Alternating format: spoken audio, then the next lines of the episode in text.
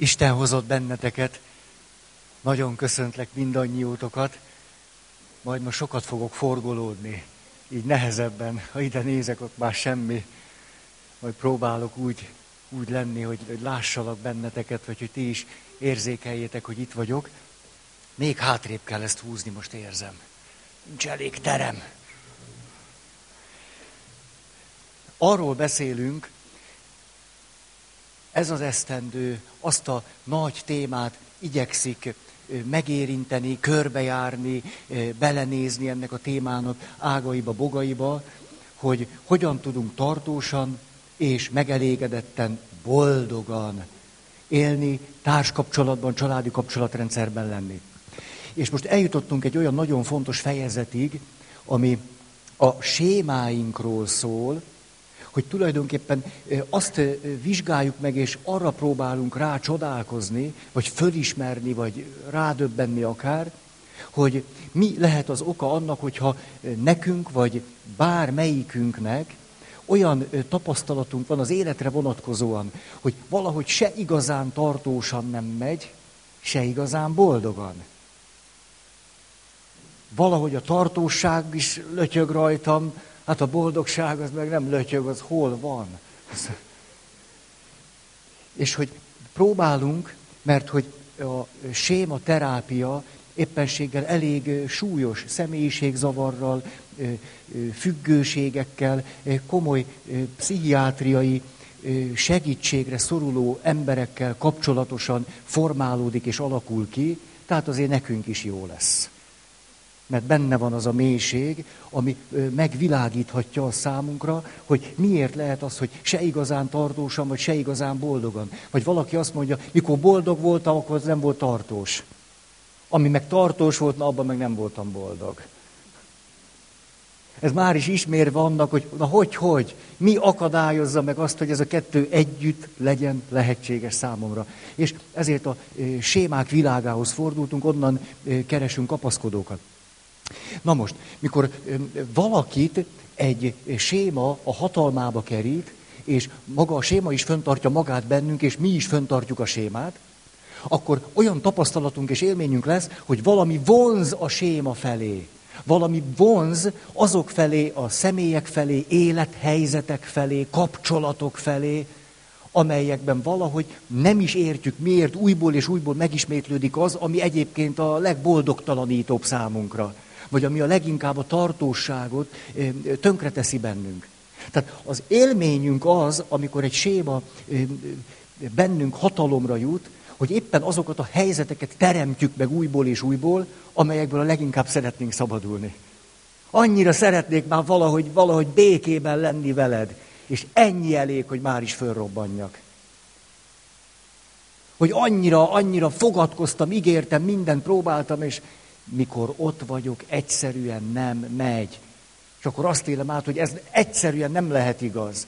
Átok, csillagok,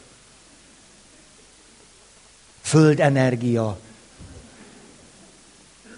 a levegőben terjendő mindenféle nagyon csúnya hullámok, ételek, amiket megeszünk. Szóval annyira nem szoktuk érteni, hogy akkor mi a szösz van velünk. Ugye ezt sokszor kiterjesztjük, mi van ezzel az egész világgal. Vagy a séma szívesen mutatja az egész világot olyannak, mint amilyen itt bennünk. Hogy aztán nagyon sajátosan, ilyen misztikus, transzcendens, akármilyen okokat találunk ki rá. Ettől a helyzetünk egy kicsit se lesz jobb. De legalább valamit, valamit mondtunk. És erről eszembe jut egy történet hogy, hogy el lehetetlenülünk, ott integetnek, gyertek, mert tudom, hogy nem nekem, érzem, érzem, hogy megint kihagytatok valamiből, jó, kicsit fáj, de sem tudom, ehhez közel mehetek? Mert a nagyhoz nem volt szabad közel menni, majd így arra. Megint kihagytok valamiből. Szóval ez is egy séma, majd mindjárt jön.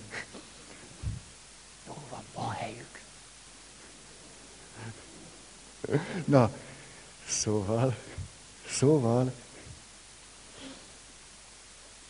a történet. Erről jut eszembe. vagy mikor már egészen elbizonytalanodunk, persze, hogy az értelmünkkel próbálunk valami kapaszkodót keresni, mert valahogy egy téveszme is legalább valami ahhoz képest, hogy tök hülyén vagyunk. Nem? Egy téveszme is, akkor legalább tudjuk, hogy azért van, mert hát sajnos, sajnos.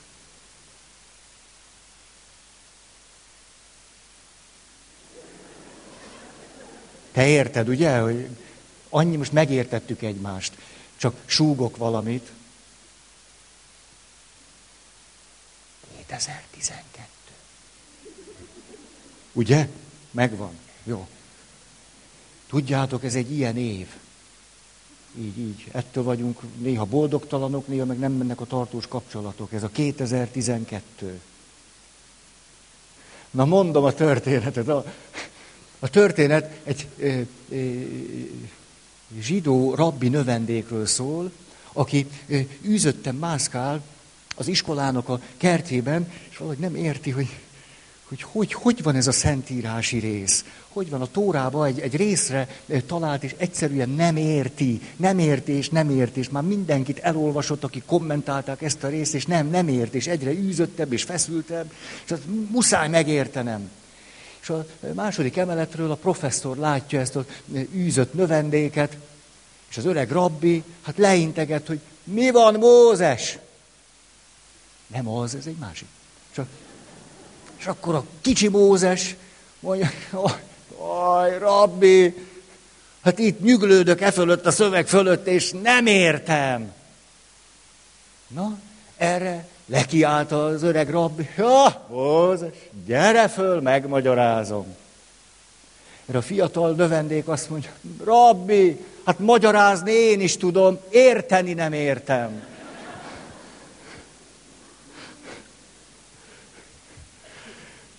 Tehát sokszor, amiben vagyunk, amit a séma csinál velünk, az ilyen. Magyarázzuk, magyarázzuk, de na, ahelyett, hogy, hogy igazán megértenénk, hogy mi is van velünk. Na most, a, arról beszéltünk, hogy a sémák tulajdonképpen alapvető érzelmi, érzelmi, fizikai szükségleteink bennem töltése nyomán alakulnak ki. Pif-puf.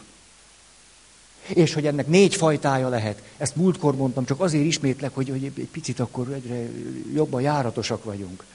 Ugye nagyon egyszerűen túl sok van valamiből. Elkényeztetnek, túlóvnak, túl gondoskodnak, túl sok. Túlszoros határok, mindig ott van anya, mindig ott van apa. Öl. Kérdezd meg olyat, aki ezt élte meg, ugye? Ezt, ezt, ezt tudja milyen. Második, túl kevés van valamiből. Nagyon kevés van valamiből, semmi sincs valamiből, amire szükségem lett volna. Második. Harmadik, konkrét bántalmazás. Valamiféle bántalmazó magatartás. És a negyedik, ez a legcifrább, valami, amiből szükségünk lett volna valami egészre, a színére, meg a fonákjára, erre is, arra is, na abból csak a felét kapjuk. Illetve csak a fele jön át, csak a felével tudunk valamit kezdeni. Ez a negyedik. Valami egész nem jön át. Nem, tudunk, nem tud beépülni az életünkbe. Ez a négy mód, ahogyan egy séma ki tud alakulni.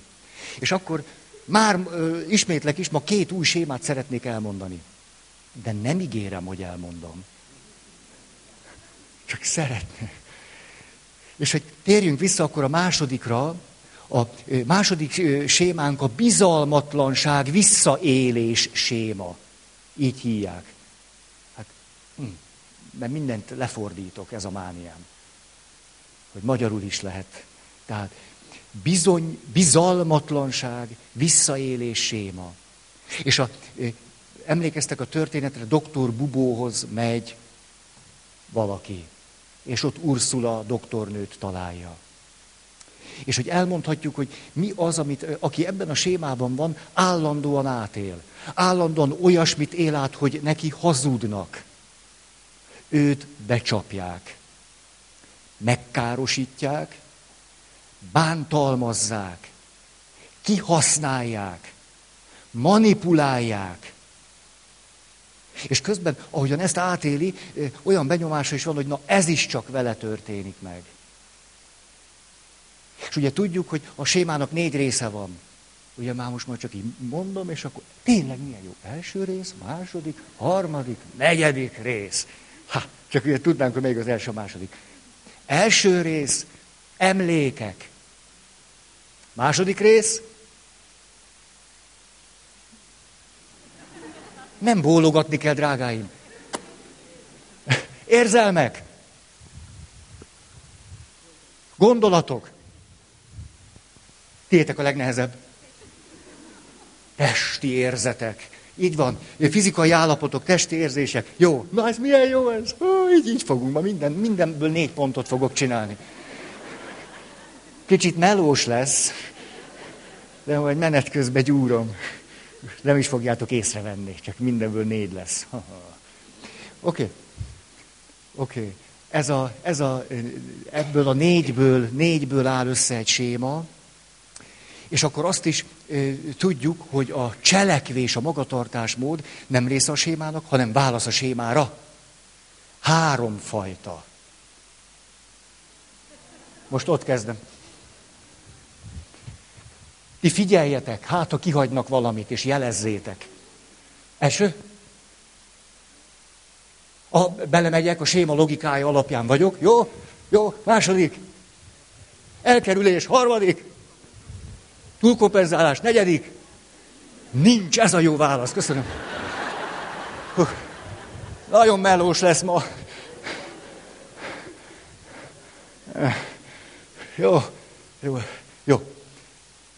Akkor, hát a bizalmatlanság visszaéléséma, ne jó, hogy van, ez a bizalmatlanság visszaélés séma akkor is aktiválódik, amikor az a helyzet realitásából, vagy egy kapcsolat valóságából nem következik, de aktiválódik.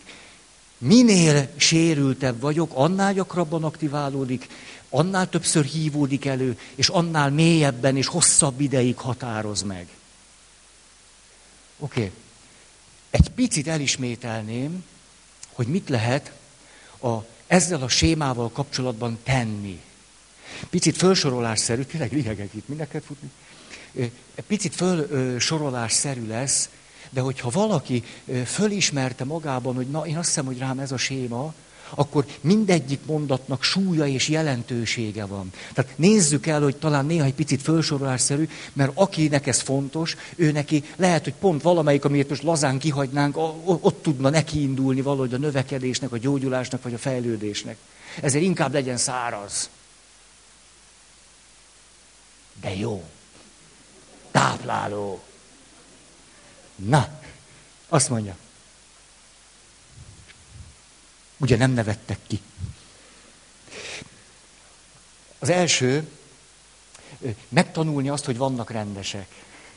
Hogy létezik olyan, hogy rendes ember.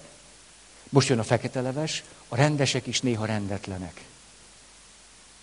Ugye, és amikor a rendesek, vagy a rendesnek tűnők is, úgyis bizalmatlan vagyok, de szavazok valamennyi bizalmat, és kiderül, hogy Na, az szokott akkor egy olyan végső pont lenni, na, megint kiderült, hogy a világ ilyen, az emberek már csak ilyenek, az összes férfi ilyen.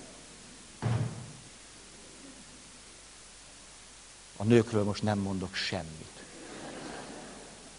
Jó, következő.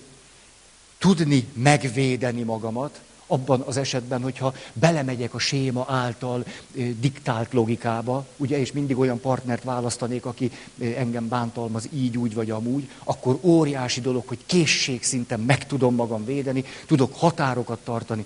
Emlékeztek, amikor a gyakorlatot mutattam a harcosról? A harcos. Ezt is lehet gyakorolni. Segítő foglalkozásúaknak ezt meg szoktam mutatni. Hogyan kell gyakorolni azt, hogyha valaki nem tud határokat tartani, hogy ezt hogy csinálja. A harcos karakterét, ős típusát érdemes magunkba fölszítani. Mutatom. Ez ma egy ilyen...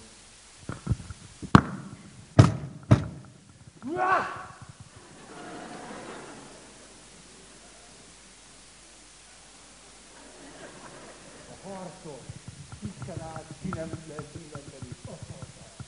lehet Bizony, Bizony. Nem egyszer biztos ismeritek ezt, hogy a támadásból való menekülésnek a kulcsa mi, hogy a potenciális áldozat tud kiabálni. És akit ez a séma nagyon maga alá gyűr, mikor még lenne esély vagy menekülni, akár kiabálni, ő neki hang se jön ki a torkán. És az nem csak a stressz helyzet vagy a nyomás miatt lehet, hanem a sémának a hatása miatt is. Ezért érdemes ezt a gyakorlatot addig gyakorolni, most már tavaszodik, kössétek össze egy kirándulással. Legkomolyabban, és ott, ott, ott. És érezd, ahogy. És egyik hegy, másik hegy, harmadik hegy. Csak onnan vissza. Hát három hegyen túl kiabálj. El se tudom mondani, mennyire fölszabadító, hogyha megengeded magadnak, hogy annyira kiabálj, ahogy csak bírsz. Ezt is megrendítőnek tartom, itt vagyunk emberek, és tíz éveket élünk úgy, hogy a hangunkat sose eresztjük igazán ki. Hát hogy, ez egy készség. Nem kell használni, csak tudni, hogy ez van. Ez jó, nem? Jó, nem tudom, mind derültök. Na jó. Szóval, tehát, alapállás. Jó, megvan. Tehát, tudni magamat megvédeni. Következő, kiállni magamért, de ne mások rovására vagy kárára. Ugyanis, ugye, hogyha sémát túlkompenzálom, akkor fütyülök rád, és én magam is nagyon könnyen agresszorrá válok. Ugye, akkor fütyülök rád, és túlkompenzálok. Értjük. Következő, ne próbáztassunk másokat. Akár a bensőséges kapcsolatban, ne vizsgáztassuk őket, hogy most tényleg megbízható-e vagy nem. Mert nem.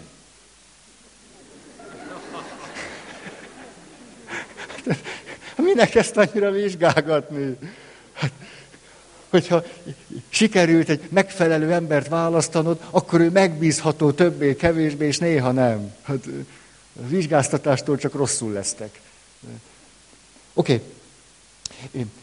Meghitt kapcsolatban vállalni finoman, lépésről lépés, sokszor egy egész élet is kevés hozzá, merni föltárni magam, és kiszolgáltatott helyzetben tudni maradni.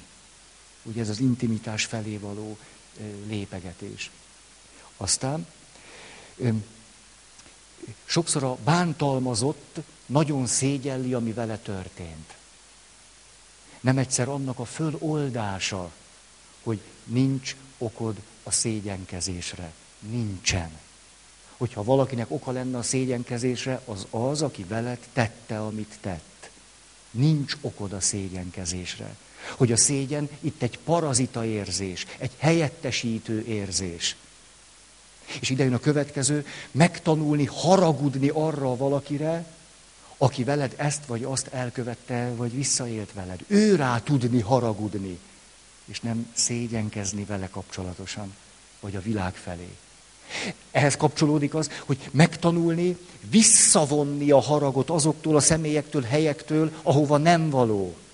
És itt behoztuk, amit Böszörményi Nagy Iván annyira világosan mond, hogy létezik olyan, hogy romboló jogosultság. Valakinek nagyon sok a fájdalma, sérelme, akkor tele van romboló jogosultság kártyákkal, és bárhol, bárkinél beváltsa és még mindig marad egy csomó. Tehát akkor ott váltom be a sérelmeimből fakadó indulatomat, ahol tulajdonképpen menedékre találhatnék, ahol emberi kapcsolataim tudnának kialakulni, ahol, ahol, ahol.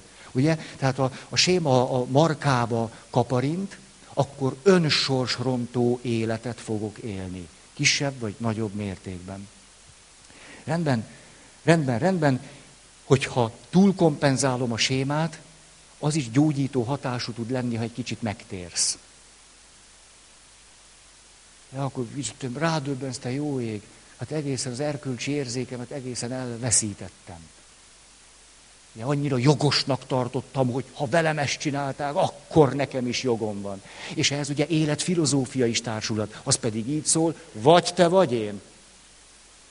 Hát ezt tanultam meg. Vagy te, vagy én. Győztes, vesztes, győztes, vesztes, erős, gyönge, gyönge, erős. Akkor inkább én leszek az erős, én leszek a győztes. Akkor neked vesztesnek kell lenni. Ez beleivódhat a logikába, és itt jön egy, egy, egy, még egy nagyon finom dolog, ez de jó, hogyha megértjük, hogy aki ebben a sémában van, úgy látja az embertársait, beleértve magát is, hogy az erősek, az erő együtt jár azzal, hogy valaki rossz. A gyöngeség pedig együtt jár azzal, hogy valaki jó. Tehát a jók gyöngék is. És a húsvéttal nem nagyon tud mit kezdeni. Most mit kezdjek? Hát most mit kezdjek? Hát most akkor gyönge volt. Gyönge volt. A jók, gyöngék. Őt nagyon sajátosan, mint hogyha a kereszténység is ezzel az üzenettel erősítené meg a saját téveszméjében. Hogy igen, igen, hát a kereszténység is ezt mondja. A jó úgy tűnik, hogy gyöngék. Az rosszak az erősek. Tehát megtanulni azt, hogy a jó is tud erős lenni. És hogy mi a rossznak a gyöngéje. Ezért nem kell, ha most így mondom egyszerűen, ha, ha győzni akarunk, nem kell a rosszak közé állni. Nem, nem véletlen azért a, a liturgia gyönyörű, ahogy, ahogy mondja, hogy győzött a világ fölött. Vagy győzött a rossz fölött. Aha. Jó. Rendben. Ezt nem is ragozom. Nézzük a következőt. Ha, ha, ha. Izgalmas dolgok jönnek. Érzelemtől, érzelmektől való megfosztottság. Ez a séma neve érzelmektől való megfosztottság séma. Depriváció, de hát ez mi, minek ezt a szót? Olyan boldog vagyok nélküle is. Tehát érzelmektől való megfosztottság. Mi történik vele, hogyha belemegy a séma logikájába? Olyan társat, partnert eh, fogsz keresni, ez nem egy ráolvasás, olyat fogsz keresni, a kezemet nézed, visszafelé számolok, tíz, kilenc, és mire ránézel arra valakire, aki olyan lesz, hogy az érzelmeidet nem tölti be. Ugye, ha belemegyek a séma logikájába, olyan szemét választok, aki az érzelmeimet nem tölti be, alapvető érzelmi szükségleteimet, esetleg alapvető érzelmi fizikai szükségletemet, gondoskodásra, megértésre, empátiára, odafordulásra való alapvető érzelmi szükségleteimet nem betöltő társat keresek és választok. Utána persze szenvedek ettől. Vagy igen, vagy nem, kisebb vagy mértékben majd ebbe belemegyünk. Mi történik akkor, hogyha próbálom a sémát nem aktívvá tenni magamban, nem keresek partnert, egyáltalán nem keresek magamnak partnert. Távol tartom magam az olyan kapcsolatoktól, ahol egyáltalán fölmerülhet, hogy te érzelmileg gondoskodással, segítségnyújtással, együttérzéssel felém kellene, hogy forduljál a kapcsolat logikája szerint. És a harmadik, amikor túlkompenzálom, hogy nagyon követelőző leszek. Azt gondolom, a te dolgod az, hogy engem boldoggá tegyél. Emlékeztek, a házassággal kapcsolatos mítoszoknál beszéltünk erről. Hogy a férjemnek vagy a feleségemnek az a dolga, hogy engem boldoggá tegyen. Mert hogy hát ő állt ott az oltárnál. A papon kívül ő volt ott. Hát a, most a papot hagyjuk. Tehát most nem tudom, hogy kire nézzek még ugye akkor a séma alapján föl jogosítva érzem magam, hogy na, hát, na, na, na, na, na. Hát este 90 és, és, és. Oké. Okay. A, elmondok egy történetet, amit a néhány héttel ezelőtt a misén elmondtam. Hm, hm, hm, egy vietnámi veterán hazatér. Leszáll a lepülő, repülő, repülőgépe, és az első dolga, hogy fölhívja a szüleit. És a szüleinek telefonban azt mondja, hogy, hogy apa, anya, leszállt a gép, és nem sokára hazaérek, de, de van egy nagyon fontos mondani valóm. Ez pedig az, hogy egy barátom is velem van. És nagyon szeretném, hogyha velünk lakhatna. úgy egyszerre örülnek a szülők, egyszerre megdöbbennek, hogy de miért, miért, hát ki ő, vagy hogy. Hát apa az a helyzet, meg anya, hogy ő aknára lépett a háborúban, és, és hát le, levágta az akna az egyik kezét, meg az egyik lábát. De hogy nincs hova mennie. És hogy hát arra, arra van szüksége, hogy, hogy mi befogadjuk. És hogy én megígértem neki, hogy ő jöhet hozzánk. És akkor a, az apa hallgat egy picit, de az anya úgy, úgy gyorsabban visszatér a beszédjéhez, és mondja, hogy te ne, hát fiacskám, hát úgy örülünk, hogy megjöttél, hát gyere haza, aztán majd megbeszéljük a dolgot. De a férfi még utoljára is ezt mondja, hogy de nem, nem, nem, mert nincs hova mennie, most itt vagyunk. Hogy akkor mehetünk mind a ketten. És akkor az apa is már magához is azt mondja, hogy fiam, hát majd kap valami segítséget, majd valahogy mi is támogatjuk őt, ha nagyon akarod, gyere, haza várunk. És akkor eltelik fél nap, és a fiú nem érkezik haza. És eltelik egy nap, és a fiú még mindig nem érkezik haza. És egyszer csak csöngetnek a rendőrök, és azt mondják, hogy el kellene jönni oda, hova leszállt az a bizonyos gép, mert nagyon úgy tűnik, hogy a fiúk meghalt.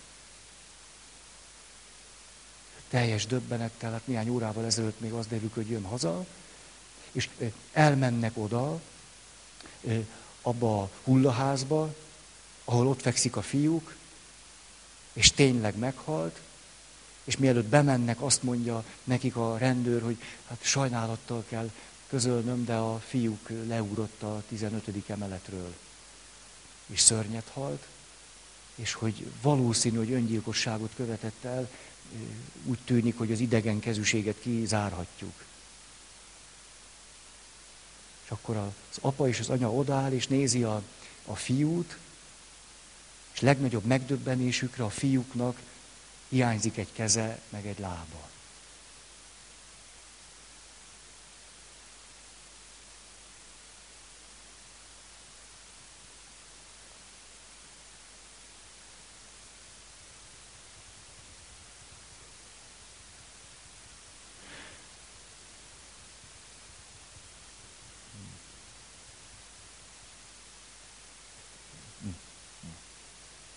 Nem is könnyű megszólalni. Szerintem értelmetlen az a kérdés, hogy hatott rátok ez a történet. Nagy, nagyon, nagyon, nagyon ütős történet. Mikor először elolvastam, hogy ú, egy kicsit ugye vérnyomásom is lement tőle. Hm.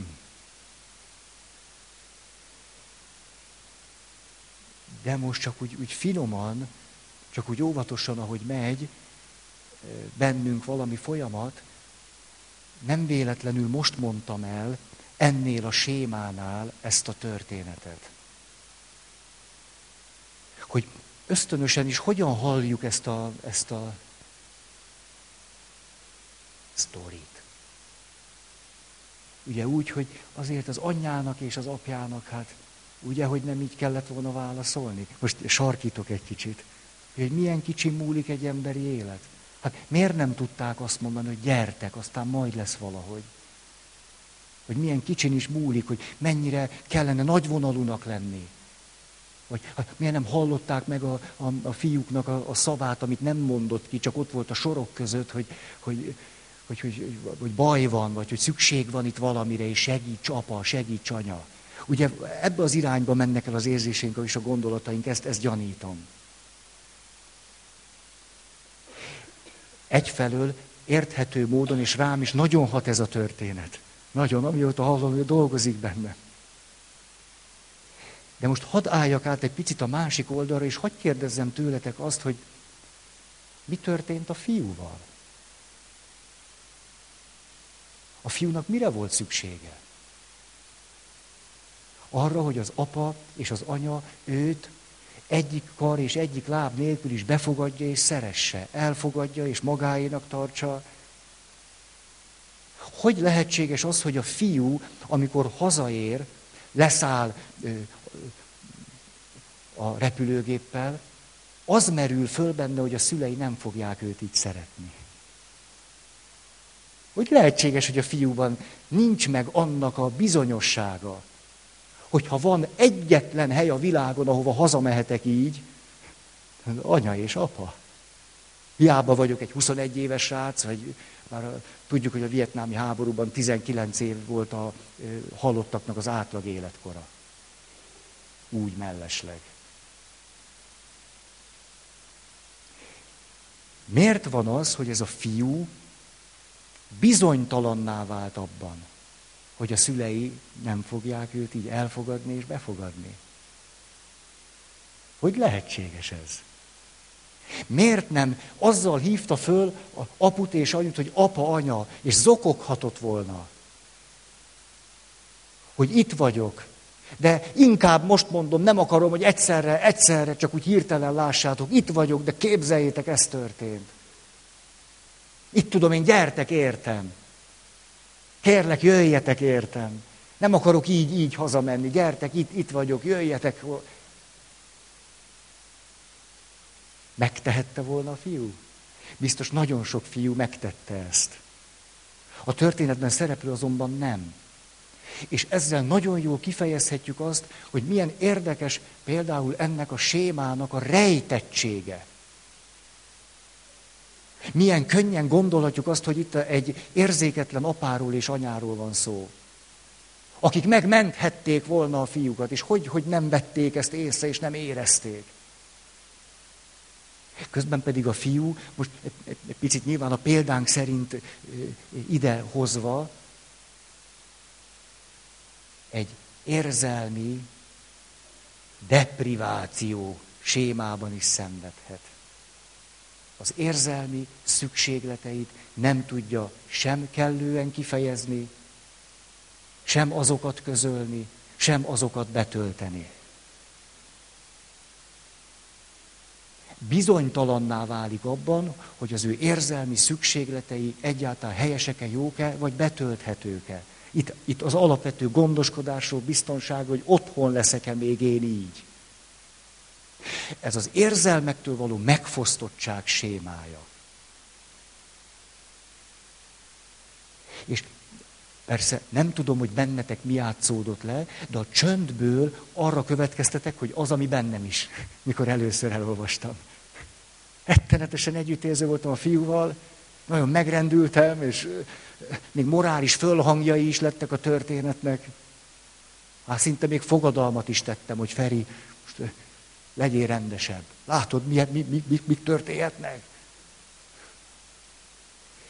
Hogy egy picit hátralépünk és ránézünk a fiúra, nagyon nagy kérdéseink lesznek. Az érzelmektől való megfosztottság séma az egyik leggyakoribb séma, ami csak van. És ráadásul az érzelmektől való megfosztottság sémában élő emberek valójában szinte a legkevésbé tudják azt, hogy ők egy séma fogjai. A sémáknak a logikája egyébként is az, hogy a sémákat és a séma által diktált önmagunkról alkotott képet, kapcsolatról, másikról, világról, Istenről alkotott képet igaznak tartjuk. Igaznak tartjuk. És hogy igaznak tartjuk, ez megakadályoz bennünket abban, hogy egyáltalán fölismerjük, mint sémát. Hogy rádöbbenjünk, hogy ne, ne, ha várjunk csak. Hát ez a, hát ez a fiú akármit, akár e, e, ezer lehetősége lett volna arra, hogy kifejezze a szükségleteit, az érzelmekre, gondoskodásra, segítségnyújtásra, együttézésre való szükségletét. Semmi külső akadálya ennek nem volt. Úgy látszik, hogy belső annál inkább. És amennyire mi eh, milyen, milyen, milyen, milyen mélyen átálltunk a, a szülőkkel kritikus pontra, tulajdonképpen legalább ennyire tud rejtve maradni ennek a sémának a hatása. föl sem fedezzük. A tünetek, most így mondom egyszerűen, aki ebben a sémában van, érzelmektől való megfosztottság, azoktól az érzelmektől való megfosztottság, amikre szükségem lenne. Aki ebben a sémában van, nem csak, hogy nehezebben is ismerheti föl, hogy ő egy sémának a fogja, mint mások, ha tünetek is homályosak. Nem olyan egyértelműek, hogy miért megyek mindig alkoholistához. Miért nem merek megházasodni? Miért mindig olyan nőkbe szeretek bele, akik nem jönnek hozzám? Miért mindig olyan férfiakba szeretek bele, akik házasok? Ezek elég ordító tünetek, nem? Ha alkoholbeteg leszek, az is egy ordító tünet. De mikor valaki csak úgy, úgy, úgy napszámra ül otthon, és úgy egyszerűen csak valami, valahogy nincs jól, de nem tudja megragadni, miért, tulajdonképpen miért, miért nem vagyok jól, valahogy mi, mi, mi, nem tudom, csak olyan nem vagyok jó, és úgy. Nem egyszer ez a, ez a séma. Az, ami okozza, a tünetek homályban maradnak és homályosak maguk is. Ezért az illető nagyon gyakran nem is kér segítséget, mert úgy különösebben nem tudja megmondani, hogy mi baja, csak az érzelmi szükségletei betöltetlenek, hosszú távon. Három nagy csoportja van a betöltetlen érzelmi szükségleteinknek. Három. Gondoskodás, gondoskodásra való szükséglet. Ide vehetjük azt, hogy figyelem, barátság, érzelmek, gondoskodás. Második, együttérzés, az együttérzésnek a nélkülözése. Megértés, együttérzés, odafigyelés és kölcsönösség. Harmadik, a védelem nélkülözése. Emlékeztek, hogy a hűségről beszéltünk? hogy olyan emberré szeretnék válni, akinél te biztonságban lehetsz, van egy belső világunk, ahol te visszatérhetsz, mint egy biztos helyre, mint egy oázisba. És én nem adlak ki téged. Nem beszélek a hátad mögött rosszat. Társaságban nem gúnyolódom rólad. Nem cikizlek. Se társaságban, se, se. Ez is a hűség része. Tehát védelem nélkülése. A másik megvéd, erősít, adott esetben tanácsot ad, segít.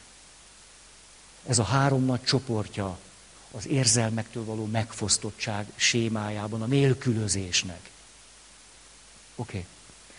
Okay. Elmondok egy történetet, de előtte iszom egy picit. Képzeljünk el egy feleséget, előbb ér haza a munkából, mint a férje.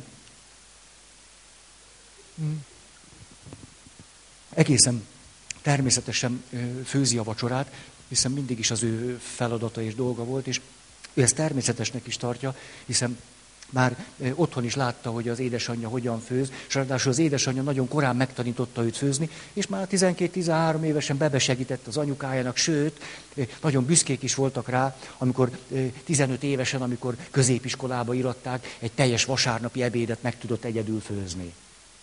Így aztán az, hogy ő vacsorát főz, a férjének egészen magától értetődő és természetes, és várja is haza a férjét, de hát tulajdonképpen elég jól megtanult egyedül lenni. Az utóbbi időben maga se tudja, hogy mi a baja. Néha azt gondolja, hogy depressziós, de azért annyira nincsen rosszul, hát nincsenek alvászavarai, enni is tud.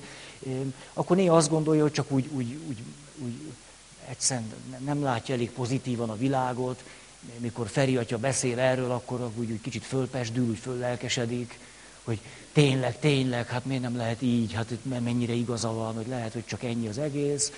De aztán úgy, úgy valahogy megint úgy visszasüllyed valahova. Most is csak úgy főz, főz, szinte automatikusan csinálja a dolgokat, és akkor megérkezik a férje, leül, tulajdonképpen puszit nem kap tőle, de hát már régen nem adnak puszit egymásnak, csak úgy köszöntik egymást, ön szinte automatikusan rakja ki az ételt, tölti ki. A férje úgy mond valami köszönetet, de hát különösebben nem is jut el hozzá. És akkor úgy viszonylag beszéd nélkül megeszik a férje, és mond valamit, ő is úgy, ahogy kezdi elpakolni a vacsorának a cuccait, érzi, hogy tulajdonképpen mennyire fáradt. Ó, náthás, fáradt, náthás, egy picit beteg. Egy kicsit beteg, de ő nagyon jól megtanulta azt, hogy, hogy hát természetesen nem lehet kiszállni a munkából. Tehát ezeket az időszakokat, ilyenkor C-vitamint szed sokat, megtanulta azt, hogy, hogy hogyan tudja elkerülni azt, hogy leessék a talpáról, és hát nyilvánvaló ezt nem teheti meg, már a gyerekek miatt sem. És aztán mikor úgy nekiáll mosogatni, a férje még ott ül az asztalnál, belekezd az újság olvasásba, és akkor úgy átfut rajta, hogy, hogy de jó lenne egyszer a férjem mosogatna. Tehát, hogy tulajdonképpen, hogy gondolkodik ezen tovább, tulajdonképpen, hát szó sincs róla, hogy mindig neki kéne mosogatni. Hát miért kéne mindig neki mosogatni? Hát látszik, hogy fáradt, és ah, jól esik neki, hogy olvassa azt az újságot. Úgy valami egészen halvány gondolatként megjelenik benne, hogy tulajdonképpen mondhatnám, hogy te, Brünnhild, hogy nem mosogatnál el. Anyja vajásom vagyok. Tulajdonképpen nem ismertem megmérni a lázam, szerintem van egy kicsi, de hát nem is azért, tulajdonképpen nem azért kérnélek meg, most lázam van, hát, vagy hőemelkedésem, így is el tudok mosogatni. Hát tudod, hogy el tudok. Szóval nem ezért, csak tulajdonképpen azért egyszerűen csak valahogy egy kicsit jó lesne. De ez a gondolat csak átsuhan rajta. Hát miért is kérné meg? Ránéz a férjére, először egy picit dühös lesz rá, sose kapta még meg, és a férje soha nem ajánlotta föl, hogy elmosogasson, úgy végigmegy rajta egy dű, egy kicsit úgy, úgy egy, egy tányért olyan dühösebben dob be a micsodába. Mosogató, de van pálba, vagy nincs annak valami szép neve. Jó, ez lényegtelen. Jó. És aztán, aztán mert hogy úgy kimerült is, fáradt is, megy föl a hőemelkedése, érzi át, hiszen este van, ez egész normális. Elkezd szorongani attól, miután már mindent megcsinált, és a férje éppen egy lövöldözős filmet néz a tévében, hogy holnap neki egy nagyon nehéz beszélgetése lesz a főnökkel. És ezen nagyon sok múlik az, hogy, hogy, hogy a nyakába lőcsöl neki egy olyan munkát, amit egyáltalán nem szívesen csinál meg. És valahogy megpróbálna a főnökének ellent mondani, de nem érzi magát erősnek hozzá, és hogy arra gondol, hogy talán úgy el, elmondja a férjének, és úgy bele is kezd kicsit tétován, igazából nem is zavarja, hogy a férje a tévét nézi közben, csak úgy, úgy, úgy néha vakkant valamit a férje, és valahogy az van benne végül is, ez, ez se rossz.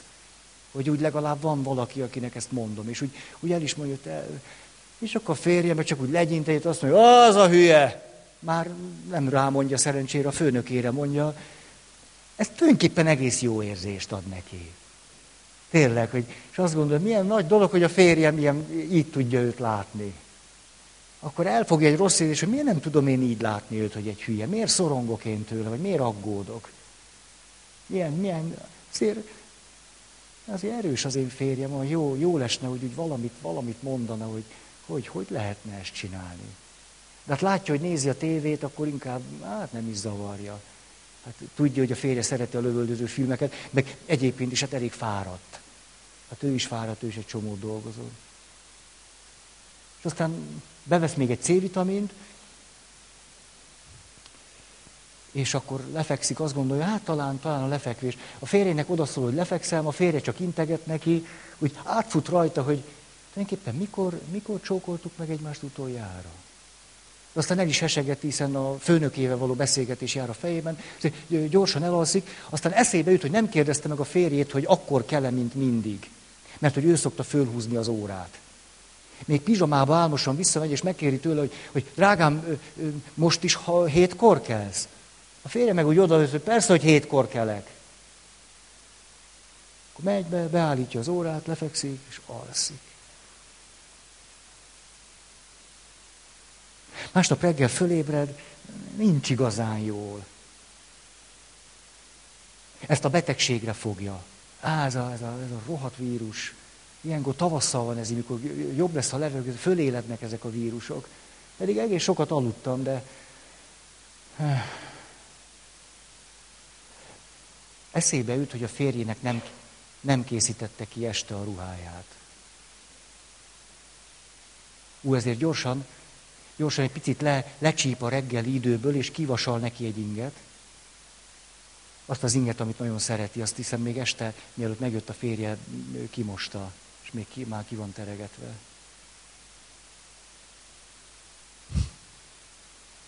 Érthető?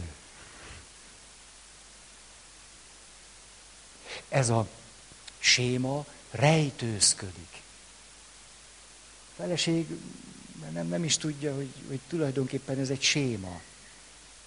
hogy az érzelmei, az érzelmi, érzelmi, fizikai szükségletei kórosan betöltetlenek maradnak, és hogy olyan partnert választott, aki sosem volt elég érzékeny az ő érzelmi, fizikai szükségleteire. Soha, tulajdonképpen soha. Tehát ha belegondol, hogy miért is őt választottam, azt mondja, tulajdonképpen hát én választottam, hát nem változott, meg mindig ilyen volt. Tulajdonképpen mit is várok tőle?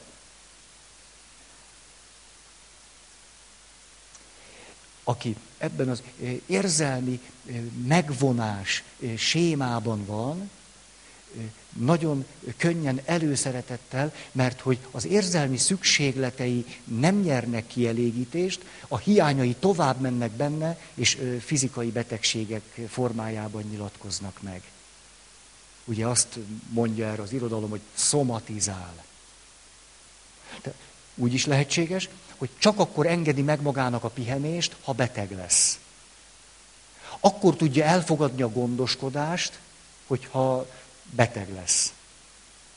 Különben ő maga sem tudja elfogadni. És itt jön ennek a sémának, és általában a sémáknak is egy, egy nagyon izgalmas, nagyon furcsa fordulata. Hogy azt gondoljuk, hogy amikor a séma által olyan nyilvánvalóan megnyilatkozó hiányunk, vágyunk, szükségletünk kielégítés nyer, akkor jól leszünk. Ugye, hogy ez akkor a megoldás, nem? Hát akkor választok egy olyan partnert, aki... És nem így történik. Ez a meglepő, hogy nem így történik. Mondok erről megint egy történetet. Hm. Hm. Csúszik le a gatyám, azon hümmögök, ezt nem értem. Mind, így szokott egyébként, ilyen 9 óra 3-4 körül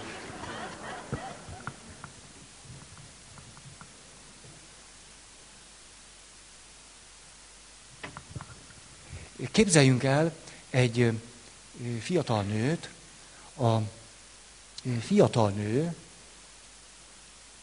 hmm, hmm, ez rémülten néznek egyesek rám. Mi lesz azzal a fiatal nővel? Ma a vietnámi katonát meghalasztotta nekünk, most a, a fiatal nőt hagyja életbe.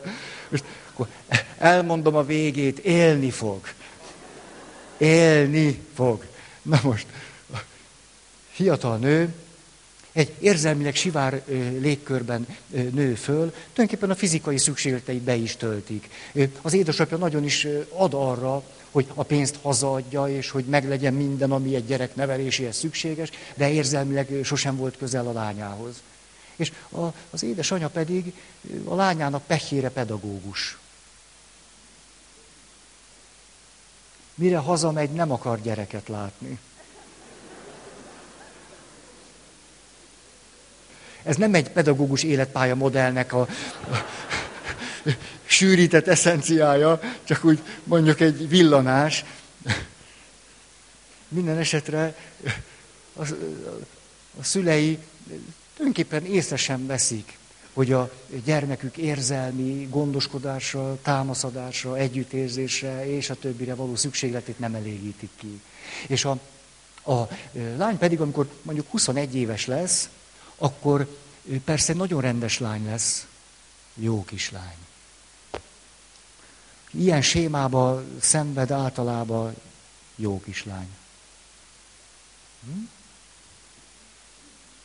Jó kislány ő. És akkor beleszeret egy fiúba. Há, azért lesz egy ilyen kis, kis csúcspontocska. Beleszeret ebbe a fiúba. Ez a fiú egy kicsit olyan lassú, lassú, lassú, megfontoltnak látja, de amikor vele van,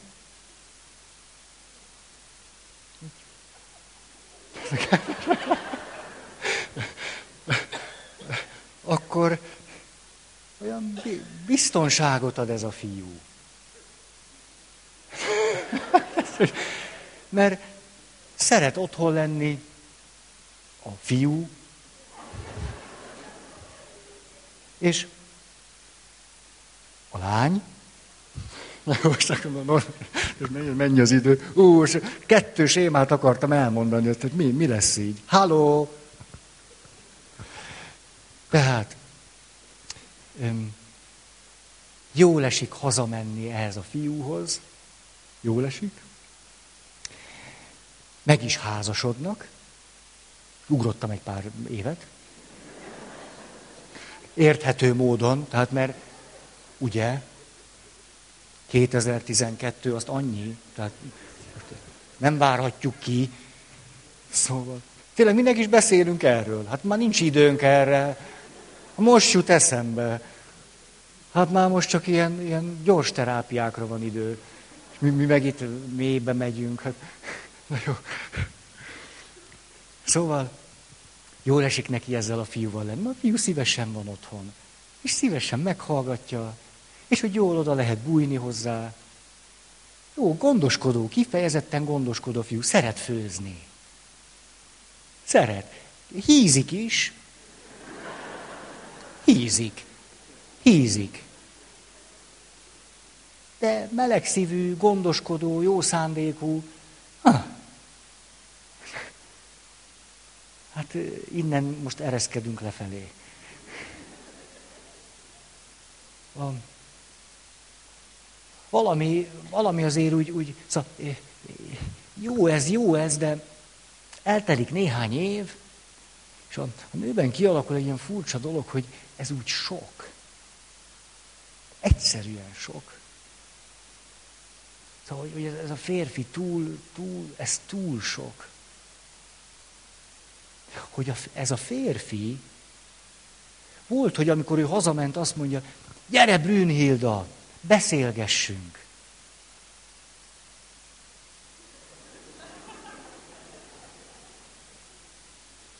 Hihetetlenül nincs hozzá kedve. És mikor este még fönn van, akkor azt mondja, hogy lehet ez, hát minden nőtársam ennek örülne. Egy ilyen férfi legyen mellette. Miért nem örülök neki? A férfi öm, szeret oda bújni. És a nő azon veszi észre magát néhány év múlva, hogy úgy, úgy inkább már el, eltolja őt. Pocakos is, meg kedvesnek kedves, de valahogy úgy sok. Sok. És a férfi, mikor reggel öltözködik, akkor mindig, mindig legalább öt dolgot kérdez. Hol van a nyakkendőm? Van ing? Gyere, légy szíves, légy szíves, kösd meg. És a nő reggel olyan ingerül, dühös tud lenni, hogyha közd meg már, tanuld már meg, hogy hogy kell kötni inget, vagy mit, nyakkendő. Már harag elveszi a józan eszemet is. Szóval egyszerűen sok. Sok. Fullasztó. Túl sok. Úgy érzi, hogy valahogy be, bezárták őt. Egy kalitkában érzi magát. A fejével valahogy tudja, hogy ez a férfi ez egy rendes férfi. Szereti őt, mindent megkap, amit otthon nem kapott meg. Ezért érti is, hogy miért őt választotta. Jön a fordulat, egyszer csak szerelmes lesz. Sose volt még olyan szerelmes, mint most. Sőt, sőt, ahogyan egyre inkább a szerelem a markába kaparintja, arra gondol, hogy ő, ő tulajdonképpen még igazán nem is volt szerelmes soha hogy életében először most szerelmes. És most nagyon, nagyon. Meg is lepi őt ez az érzés. Azért, mert maga sem érti, miért nem tud uralkodni a szerelmességén, és a szerelme, hát viszonozza.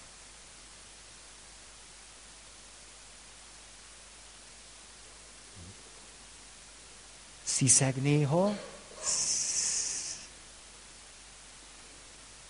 És akkor egyszer csak megtörténik, hogy egymáséi lesznek.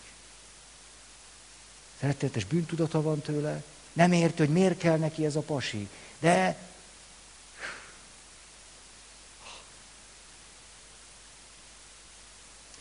és akkor egy ilyen gyors, gyors mozdulattal elmegy két barátnőjéhez.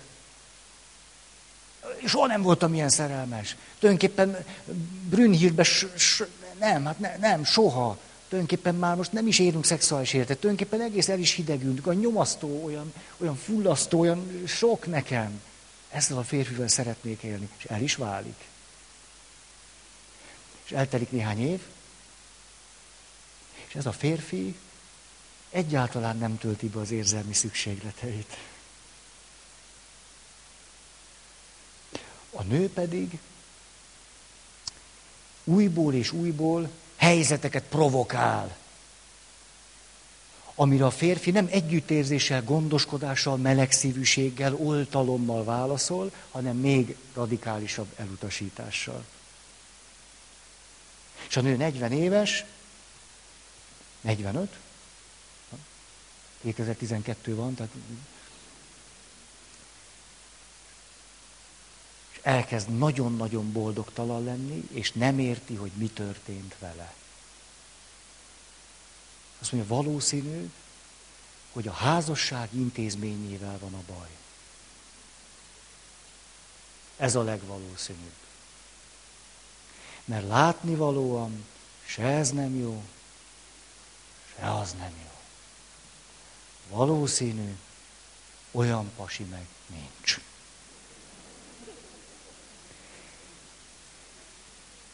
De ahogy végig gondolja az életét ott nagy szomorúságában, arra jut, hogy azt nem érti, hogy most már látja, hogy mi volt jó az első férjénél, de most, hogyha harmadszor is megházasodna, és mondjuk választani egy olyan valakit, aki betölti az ő érzelmi szükségleteit, a vágyait, hiányait, ezekre jó, jó választ tud adni, és még mondjuk szexuálisan is vonzó, mint hogy az első pár igazából nem volt az, de az neki nem is volt akkor fontos. Hogy most ha a kezét a szívére teszi,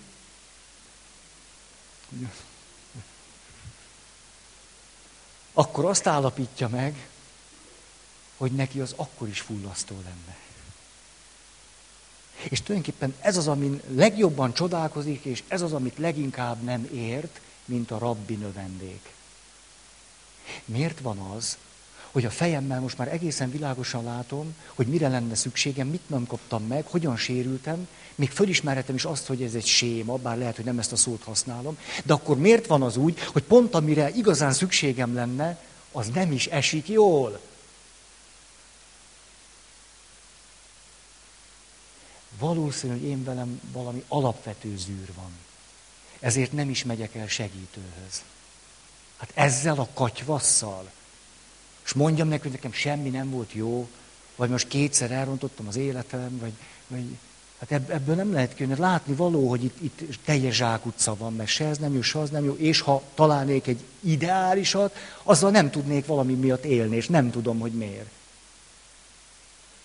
Ez az érzelmi megvonás, hiány, séma. Tehát látjátok itt, ez egy, ez egy sajátosan cifra dolog, hogy miközben beláthatom azt, hogy igazán mire lenne szükségem, sokszor az, amire szükségem van vagy lenne, idegen.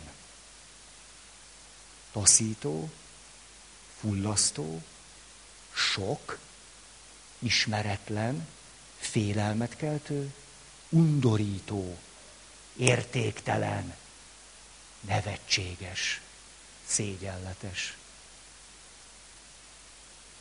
Jó, most akkor innen kezdjük el visszamondani. Kilencet mondtam, és én mondom a kilencediket, tehát látjátok azért.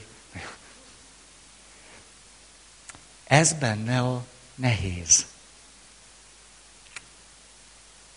Tehát nem úgy van ez, hogyha egy séma a markába kaparintott, hogy ja, hát akkor látom, mi a hiányom, az valaki betölt, és szép az élet. A sémának nagyobb a hatalma, de érthetjük is, hogy miért.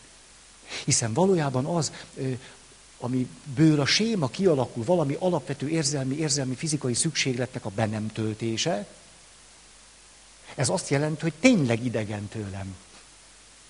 Hogy van egy pozitív eredménye az életemnek, például az, hogy megtanultam enélkül élni. Ez úgy fogalmaztam meg, egyszer jött hozzám egy pár, a, a férfi ölég sérült volt, a nő meg ölég egészséges. És egymásba szerettek,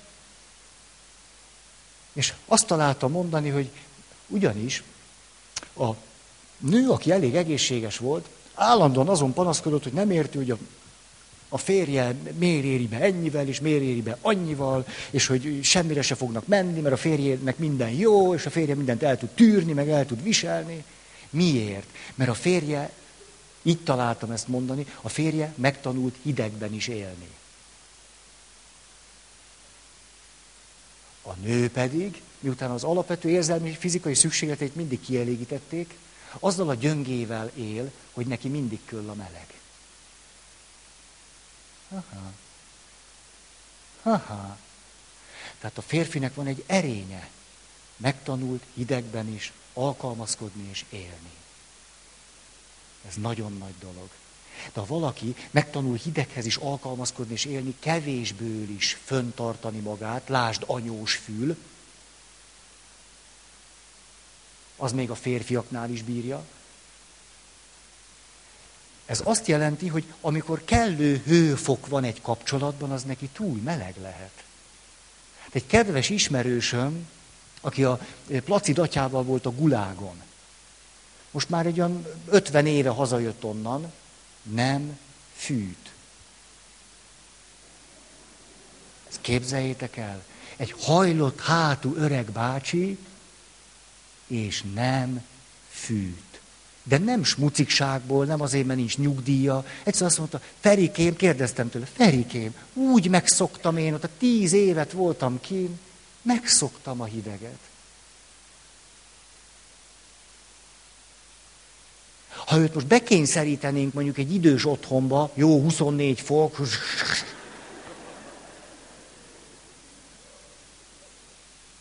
hamar meghalna. Most kisarkítottam, hát egyszerűen azt mondja, ez el, elviselhetetlen. Nyitná ki az ablakot, azt mondja, ez a meleg, ez fullasztó. De aki a melegben nőtt föl, mit mond? Há, legalább meleg van. Ez legalább jó. Tehát a, a trükk az, hogy hiába lenne erre vagy arra vagy amarra szükségem, mikor valakitől megkapom, idegen, fullasztó, sok, undorító, dig, dig, dig, dig, nem, nem mondom tovább.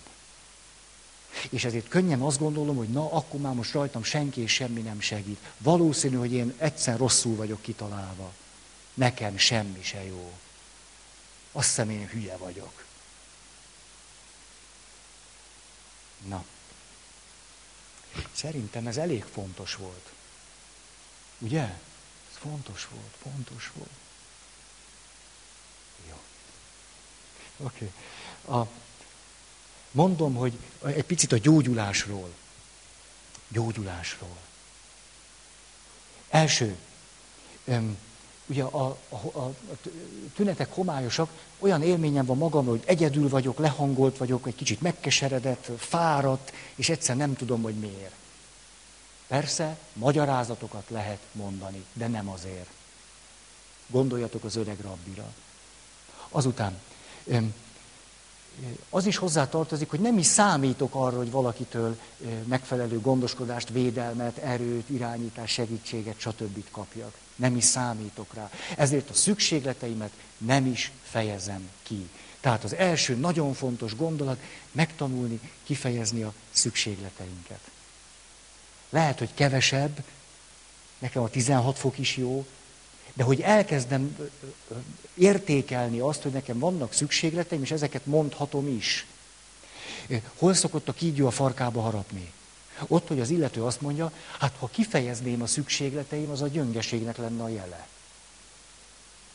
Tehát miközben azt gyógyítaná, hogy megtanulja kifejezni a szükségleteit, aközben azt ő a gyöngeség jelének tartja. Aki az érzelmi megfosztottság sémában van, nagyon gyakran segítő foglalkozású lesz. Mert megtanulja, hogy ő neki nem kell sokat kapnia, de ő annál inkább ad. Miközben pedig néha rá tör egy rettenetes keserűség, hogy miért van az, hogy én ennyi embernek segítek, és nekem meg senki.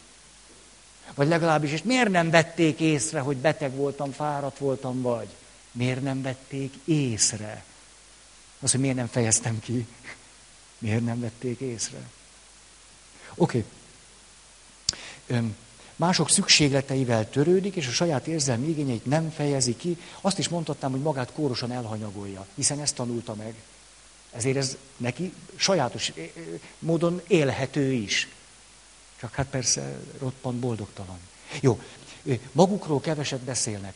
A, hú, most ez, hú, nem, nem, nem fogom befejezni. A szentek, 10 perc még van, be, bele, 2012, úgyhogy ú. Szentek életét olvasom, ahol már olyan modernebb szentek élete van. Tehát, hogy egy picit a, a, a legendás elemek nincsenek benne, ugye az életbe ágyazott történetek, néha úgy, úgy, úgy el, el szürkül itt bennekem valami, hogy a kereszténység, meg az érzelmektől való megfosztottság séma nem ugyanaz.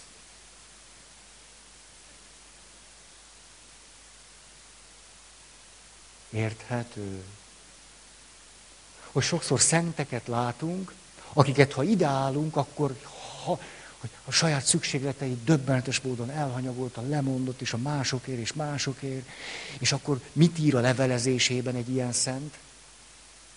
Szárasság, lelkiínség, sötétség, nem értem, hogy miért, Istenem miért hagytál el, de kitart. Hősies módon tovább, tovább viszi az áldozatot, a segítést, a szeretetet, hősies módon. De közben évekig, évtizedekig arról tud beszélni, hogy nem tudom, nem tudom. Egészen odáig jutnak ezek a szentek, hogy magukról már nem is beszélnek.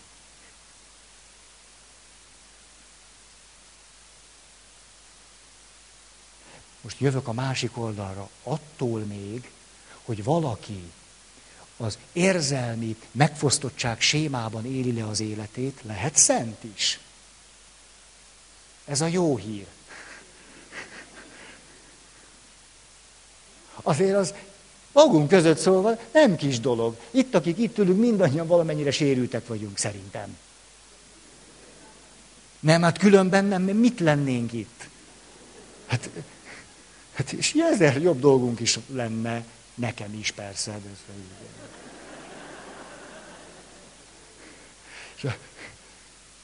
Szóval az egy fölemelő dolog, hogy akár milyen sérült lehetek, tik-tik-tik, fantasztikus életet lehet élni. Ez nagyon nagy dolog. Ezt én nem, nem kicsinyelem, nem becsülöm le. Csak mondom, hogy van egy ilyen sajátos összefüggés. Sokaknál ezt lehet látni.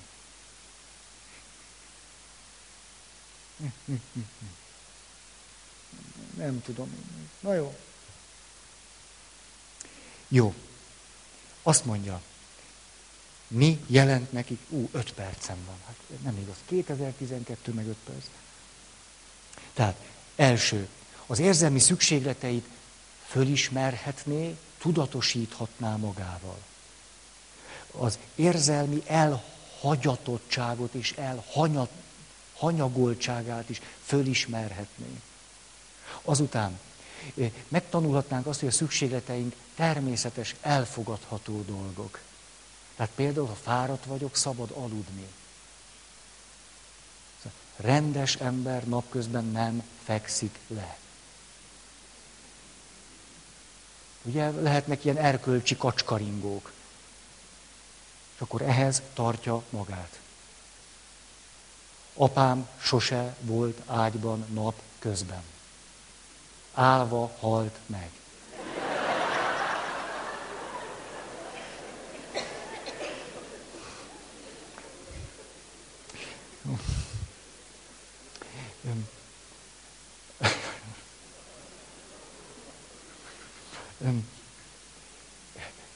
Érdemes volna eljutni a bennünk élő gyerekig, akinek valamikor, amikor szüksége lett volna a három dimenzióban való érzelmi, fizikai szükségleteinek a kielégítésére, ezt nem kapta meg. És egy picit elkezdeni beszélgetni ezzel a gyerekkel. Egy kicsit. Mondom az ötleteimet, ezeket már gyakorta elmondtam. Egy, valahogy próbáld meg visszaidézni, hogy hány éves lehetsz akkor, amikor úgy, úgy, úgy átéled, hogy valami hiányzik, valami nem jó, valami, jaj, de kéne valami. Keres fényképet magadról, hord magaddal, beszélgess vele. Vegyél egy bábot, az is jó, egy kisfiú báb. Az jó, az három dimenziós, és akkor lehet, simogathatod, fizikai tapintása van. Tehát ha kifejezi feléd a szükségleteit, akkor meg tudod adni neki. Komolyan mondom. A bábut meg lehet simogatni, a bábot. Nagyon jó érzés. Elmondom, hogy hol ö, szoktuk ö, a fonalat elveszteni. Majdnem mindig, hogyha valakinek ezt a lehetőséget felajánlom, mondjuk egy olyan pillanatban, ahol ténylegesen átéli az ő gyerekkori hiányait, érzelmi szükségletének a betöltetlenségét, és azt mondom, hogy hát itt, jó, hát itt van iskola, és hát beszélges vele. Tudjátok, mi szokott történni? Tíz esetből kilencszer. Na nem. 50-ből 49-szer. Mit gondoltok? Csak picit, hogy gondolkodni. Ki fog megszólalni? Én vagy Kólácska?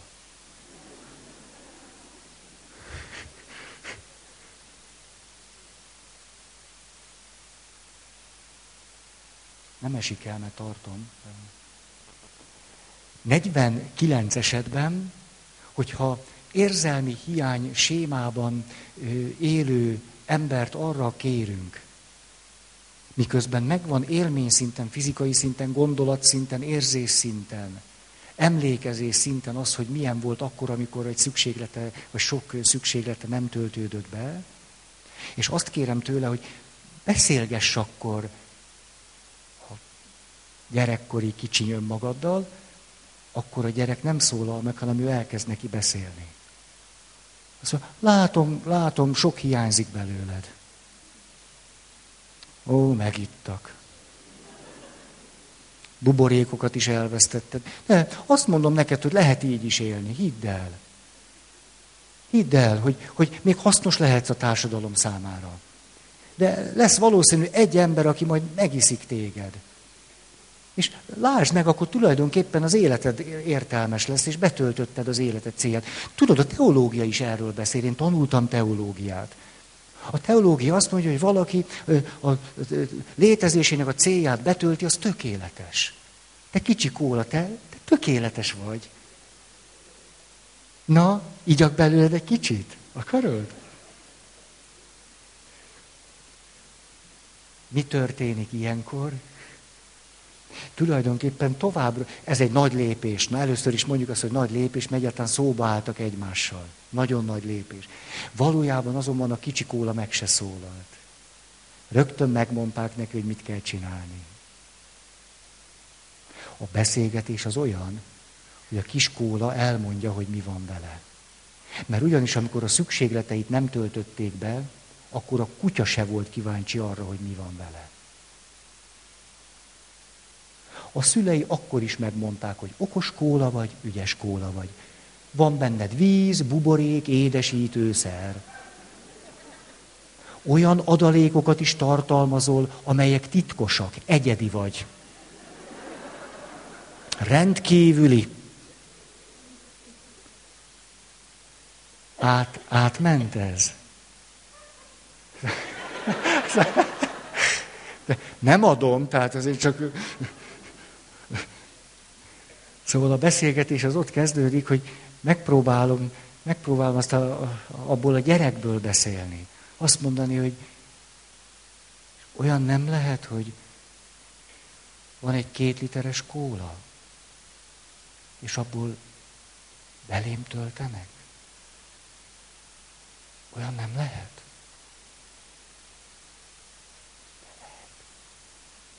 Ezt szeretnéd?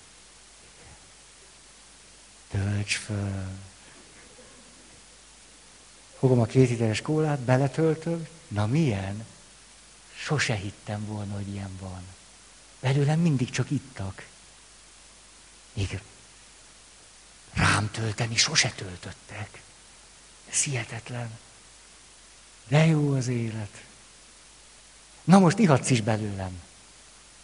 De lesz ilyen máskor is. Töltesz még belem? Légy szű. Érthető? Jó van. Akkor köszönöm a figyelmeteket. Örülök neki, hogy két sémát sikerült elmondanom. Sikeres nap.